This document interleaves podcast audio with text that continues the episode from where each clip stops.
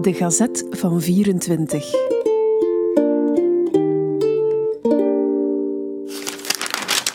Vrijdag 11 januari 1924. In het derde schrijn van Toets sarcophagestel zijn juwelen gevonden.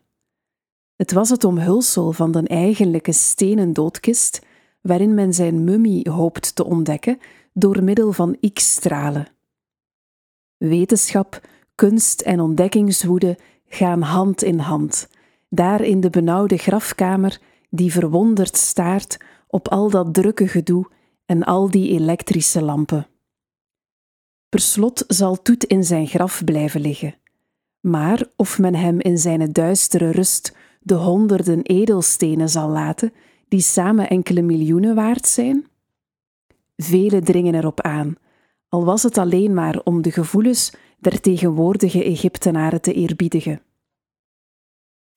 Uit Luxor wordt nog bericht dat Howard Carter, ofschoon hij zich niet wel gevoelde en er slecht uitzag, toch dinsdag aan den arbeid is gegaan en de leiding op zich nam van de werkzaamheden tot het wegnemen van een gedeelte van de met goud beslagen hemel van den tweede schrijn.